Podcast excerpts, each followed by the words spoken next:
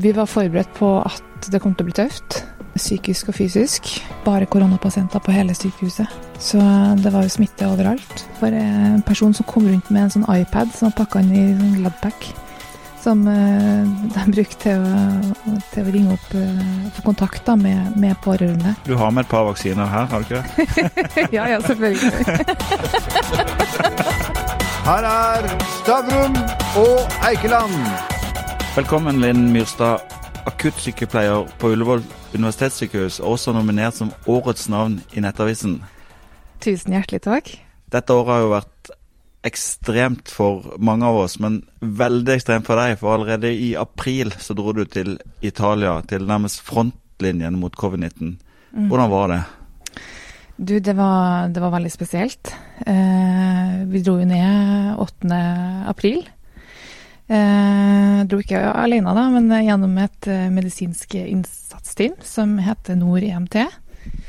Eh, og det er jo et team som, som, Norge på en måte kan tilby i håndtering av eh, internasjonale kriser. Eh, har tidligere vært, vært eh, utreist på Samoa med Mesling-krisa og har bidratt eh, i, i, Moria etter den brannen. Eh, men vi dro nedover da, den 8. april til Bergamo og dro rett til sykehuset da. Var du forberedt på det du skulle møte? Eh, vi var forberedt på at det kom til å bli tøft. Eh, psykisk og fysisk. Og hadde jo på en måte fått et bilde fra media hvordan det sto til. Eh, så det man hadde gjort i, i, forkant, var jo det at man hadde trent, eh, trent på det å kle på seg. Kle på seg og av seg riktig, og drilla på prosedyrer. Eh, og, og var klar til å på en måte gjøre en innsats, da, men, men eh, man klarer jo ikke å forberede seg ordentlig helt på det som skal komme, for da vet man jo ikke helt hva man møter heller. Jeg må bare spørre deg om en ting. for du, du, jobber også på akuttmottaket på Ullevål sykehus. Det betyr at du har en hverdag du kan si det nesten tabloid. Det er en hverdag med liv og død. Du får inn veldig hardt skadde personer. Det er din hverdag. Mm, mm. Hvorfor velger du da å dra til Italia og oppleve noe som kanskje er enda verre? Jeg følte at situasjonen var, var rolig enda her i, i Norge. Eh, vi hadde jo brukt tid på å forberede oss her hjemme. Og, og, da var Italia i en helt annen situasjon.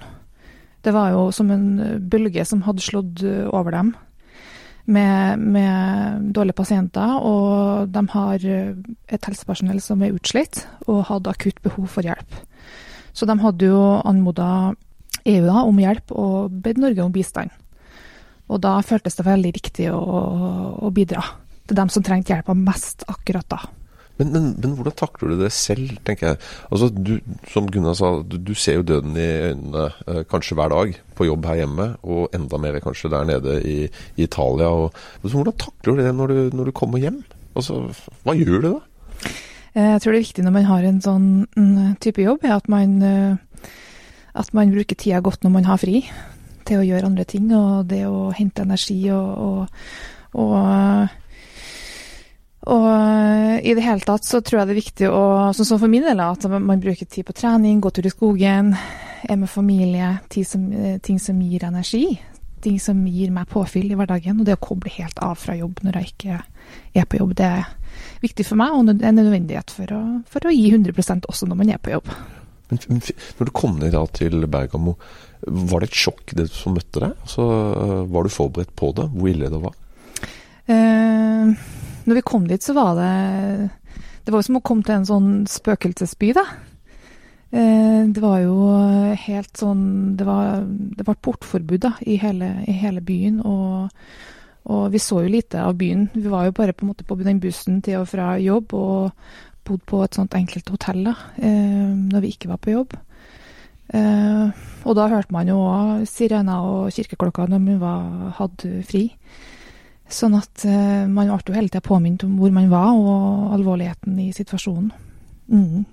Hva tenker du med folk som sier at, uh, som er imot disse smitteverntiltakene og sier at covid-19 er bare litt uh, hard influensa? Ja. det, er jo, det er jo en sykdom som, som, på en måte rammer først og fremst luftveiene og andre organsystemer. nå er det jo sånn at det er jo eldre.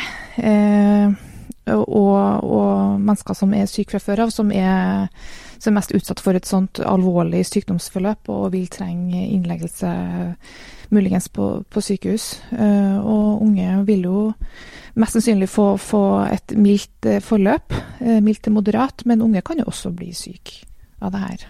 Mm. Men du har sett at alvorlig syke pasienter syns du at det minner om en hard influensa? Det du har sett med de? Det er nok noe annet enn det, ja. Absolutt. Det, det, er Det var tøft å se, se, så mange som hadde vansker med å puste. Man kan jo tenke seg sjøl også, den her følelsen av å ikke få puste. At det blir en litt sånn desperat og, og klaustrofobisk følelse. Eh, så det var men, men, vi i Norge, øh, vi har vel kanskje egentlig ikke følt på hvor ille det, det kan være? Altså, altså har, Forstår vi egentlig hvor ille dette kan bli, altså covid? Det tror jeg er litt forskjellig. Det er jo litt ut fra hvilken øh, kunnskap man sitter inne med. Øh, hvor mye, hvor mye man vet om det her. Så, så, det er nok litt forskjellig ut der. Men for meg så blir det jo eh, Ser jeg på en måte kanskje litt annerledes på det fordi at jeg har sett konsekvensene av det. Mm. Eh, men jeg skjønner at det også er vanskelig for unge som på en måte ikke blir så syke av det, og på en måte forstå, forstå alvorligheten i det. Hva med deg selv? Eh, har du vært redd for å få covid-19? Eh, ikke redd direkte for å få det, men veldig respekt for det. Og ønsker jo absolutt ikke å, å bli smitta, så jeg gjør jo absolutt mitt for å, for å unngå å få smitten sjøl, da. Mm. Men, men, nå er du uh, altså, Må jo gratulere deg, du er jo gravid. Tusen eh, takk. Eh, tusen takk. Men, men, men, er du no, ekstra uh, redd nå? Altså, eller uh, bekymra, holdt jeg på å si, med tanke på at hvis du får covid når du er gravid, er det noe du går rundt og tenker på når du Eh, ikke noe mer bekymra eh, egentlig for det, men, men eh, i forhold til forskninga som er publisert, så, så, skal jo ikke jeg bli noe mer syk enn andre. Eh, men, men, klart man føler jo et ekstra ansvar for å, for å, gjøre ting riktig når man har eh, ansvaret for et annet menneske. Ja, ja, ja. Ta dette året, for du er jo nominert til Årets navn i Nettavisen på egne vegne, men også på vegne av en, av en gruppe eh, i Norge, nemlig helsearbeidere, som har stått spesielt på i dette året. Hvordan har hverdagen vært i Norge når du kom tilbake til Norge? Eh, også, må jeg tenker sånn tilbake på det året her, da, det er jo skjedd mye på et år. Fra på en måte januar, da man hørte om det her viruset. Eh, og det at man eh, fulgte med eh, på situasjonen i Europa og, og, i verden. Og at det nærma seg hit. da, Man gjorde alt for å forberede seg. Så vi fikk jo forberedelsestid. Og, og fikk mulighet til å, til å, gjøre en del for å på en måte takle det som skulle komme. Og det, der har vi vært flinke, altså. Mm. Vært uh, veldig flinke. Og sykehusene har lagt ned en enorm innsats da, for å planlegge ulike scenarioer. Ta, bare ta din, din, helt spesielle erfaring da, som akuttsykepleier. Det betyr at du får, du får jo inn folk som kan være smitta av covid-19 hele mm. tiden. Hva gjør dere for uh, akkurat med hensyn til det, rent konkret? Eh, nei, sånn som i akuttmottak så kommer det jo inn eh, mange eh, mennesker. Og, og, det er jo en superviktig jobb med å på en måte eh, vite hvem man skal isolere og hvem man skal, skal teste. teste. Nå tester vi jo alle da på, på Ullevål sykehus som kommer inn. Men eh, hvis man har en sykdom som ikke trenger å være covid, så, så kan man ha symptomene til det. Mm. F.eks. feber eller Mm. Sånn, så da er det jo, må man på en måte isolere i påvente av testresultater. For man skal jo, de skal jo videre i systemet, pasientene som kommer inn, og da har vi jo akuttmottaket et ansvar for å kartlegge. Jeg tror, jeg tror, mange egentlig ikke tar inn over seg det at de ser bare på hvor mange som er innlagt, og så tror de at uh, det gir bilde av hva covid-19 har betydd for helsevesenet. Men hvis, du, hvis, dere da må behandle alle egentlig som om de i utgangspunktet var covid-19-smittebærere, uh, så betyr det jo et voldsomt merarbeid for dere, gjør det ikke det? Ja da, det blir det. Blir det. Alle, alle, er jo ikke mistenkt uh, covid-19, men, men, det blir jo en sånn rundt 50 da, som blir på en måte mistenkt, som man må isolere og vente på svar. Og, og så blir det en del som er, som er på en måte ikke mistenkt. Mm. Mm. Mm. Men er det noe eh, Bent Høie kan gjøre for å bedre hverdagen til, til deg og, og dine kollegaer? Sånn som du ser det? Heve lønna. ja, ja, jo, men uh, Ja, dere jobber jo hardt. ikke Noe tvil om det. Dere, har mer sympati nå enn dere hadde i fjor, kan jeg si. Ja. ja. ja da, det, det, er klart det. det medie, altså, helsevesenet har jo fått uh, plass i, i media uh, i løpet av året, og det tenker jeg er veldig fortjent. For det er dyktige mennesker ute her som, som jobber hardt og gjør en virkelig en innsats. Uh, så er fantastisk. Hylle, hylle norsk helsevesen. Men, men er det for få av dere? Burde få flere utdanna til sykepleier, til lege osv.? Ja, det er, jo, det er, jo, Vi har jo absolutt behov for flere. Mm. Så, så man ønsker jo seg at flere søker seg til helsebransjen, absolutt. Ja. Mm. Men da blir du borte en stund, da, siden du skal få barn? Ja. det er korrekt. Men jeg hadde egentlig tenkt å stille spørsmålet om du kunne tenke deg å, å ta en ny tur. Eh, men det blir jo kanskje litt feil. Men hadde du ikke vært gravid, da? Mm, mm. Kunne du ha tenkt deg å reise over til England? Og, for der er det jo fullstendig kaos nå. Eller til Sverige, hvor det ja, fortsatt er kaos. Ja, ja. ja. ja absolutt. Det det frister til gjentakelse, det her med å bidra eh, kollegaer i, i, andre land. Eh, absolutt. Så det har jeg veldig lyst til. Men når du ser da, England er det fullstendig kaos. I Sverige så har de kjørt en helt annen strategi enn i, oss i Norge og veldig mange andre land. I Norge så har vi jo virkelig altså lykkes, virker det som, da. Mm. Altså, mm. Hva, hva er det vi har gjort som, som mange andre land ikke har klart? Jeg tenker nå at uh, altså den norske strategien har jo egentlig fungert uh, bra. Mm. Uh, vi har jo på en måte Vi har jo dratt lasset alle sammen. Og det her med å, å Tiltakene som er enkle, som, de, som håndhygiene, håndvask og det med hold avstand, har stor betydning. Og vi er alle avhengig av at alle gjør en jobb. Mm. Mm, og det har vi vært, vært flinke til. Eh, og så har man jo lært mye om sykdommen nå, vet du mye mer nå enn det man gjorde tidligere. Eh, og så er det jo en vaksine på vei. Eh, og, men vi har, jeg tenker vi har også lært at vi er jo sårbare. Nå må, jeg stille sånn spørsmål som du ville gjort i et, i et middagsselskap hvis du satt med en akuttsykepleier. Da hadde jeg spurt deg sånn, Hvor mange sprøyter kan du sette på en dag? Hvor mange sprøyter? Et naturlig spørsmål. det er sånn jeg, jeg, har et, jeg, har et, jeg, har et, jeg har et poeng, men uh, hvor, hvor, lang tid bruker du på å sette en sprøyte? Nei, det går ganske raskt. Hvorfor tar det et halvt år å sette fire millioner sprøyter, eller få vaksinert alle nordmenn?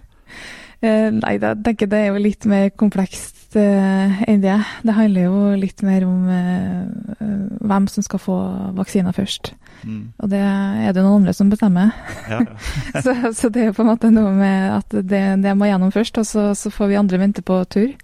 Men når vi mm. får uh, Men men det, akkurat det å få satt sprøytene, det, burde gå ganske raskt, burde ikke det? Altså sånn ja, jeg tenker det handler om organisering, da. Hvordan man velger å organisere seg. Eh, så med god planlegging så, så vil jeg tro at det kan la seg gjennomføre på en god måte. Du har med et par vaksiner her, har du ikke det? ja, ja, selvfølgelig. Gunnar, du er den eneste som er i alderen som er utsatt alderen. Sorry, jeg måtte bare Men, men um, um, Altså, jeg, jeg, må litt tilbake til Italia. Eh, ja. Altså, eh, jeg vet at ikke du ønsker å snakke sånn i detalj om, eh, om, om, om, om de forskjellige Hvordan de Altså Men jeg har lyst til De følelsene Når det er en ung gutt eller jente, og du bare ser at de ligger foran deg, du vet at de kommer til å dø. Altså, altså, Hvordan takler du det i forhold til foreldrene, familien? Altså, altså det må jo det er grisevanskelig. Altså, mm. normale folk ja, ville jo knekke sammen av mindre. Mm. Eh, når jeg var i Italia, så var det jo flest eldre som var ja. innlagt på sykehuset. Det ja. må jeg jo si. Men, men bare det at, uh, at mennesker er så dårlig, og, og um, Det var jo et sånt covid-sykehus, så det var jo bare koronapasienter på hele sykehuset. Så det var jo smitte overalt. Um, og, og, vi hadde Altså, de hadde jo ikke mulighet til å få besøk av pårørende, uh, de som var der heller. Sånn at eh, det var jo tøft å se at de var der så lenge og ikke hadde eh, besøk av sine nære og kjære. da. Det, det var jo oppretta en sånn egen stilling for, eh, for en person som kom rundt med en sånn iPad som var pakka inn i sånn Gladpack. Som eh, de brukte til å, til å ringe opp eh, og få kontakt da, med, med pårørende. Altså, det var, det var sterke, sterke møter, det, eh, når de på en måte fikk se sine kjære. Så, og for noen så var jo, kunne det være en av de siste samtalene også. Så, så det var sterkt å være vitne til det. Absolutt. Mm. Hvordan, hvordan ser du på jula i år, både for din egen del og for nordmenn? Hvordan tror du jula vår blir i en tid med pandemi? Ah, Det er Ja, det blir veldig spennende å se. Eh, Det er jo litt sånn, hvis man tenker helt sånn logisk, så tenker man jo at økt mobilisering fører til mer smitte også. Mm. Så man kan jo kanskje forvente å se eh, en litt stigning i etterkant. Mm. Eh, Men jeg tenker at folk må, må bare, bare fortsette å være flink til å, til å vaske fingrene. Og, og er man syk, så må man være hjemme og, og opprettholde de tiltakene som er, da. På best mulig måte. Hvordan blir din jul? Du, jeg skal feire med nærmeste familie. Vi blir ikke så mange. Mm. Så ja, jeg tror vi blir en fem stykker. Ja. Ja. Mm. Du er godt innafor. Ja da. ja da. Nei, men Vi må jo på en måte bare prøve å gjøre det beste ut av det uh, likevel. Og det er jo viktig å prøve å ha det fint, selv om man er i en pandemi. Mm. Og jul blir det noe uansett, som den, men det blir jo litt spesiell Mm. for alle. Du får iallfall lov til å ta jul med god samvittighet, du, Siri Finn.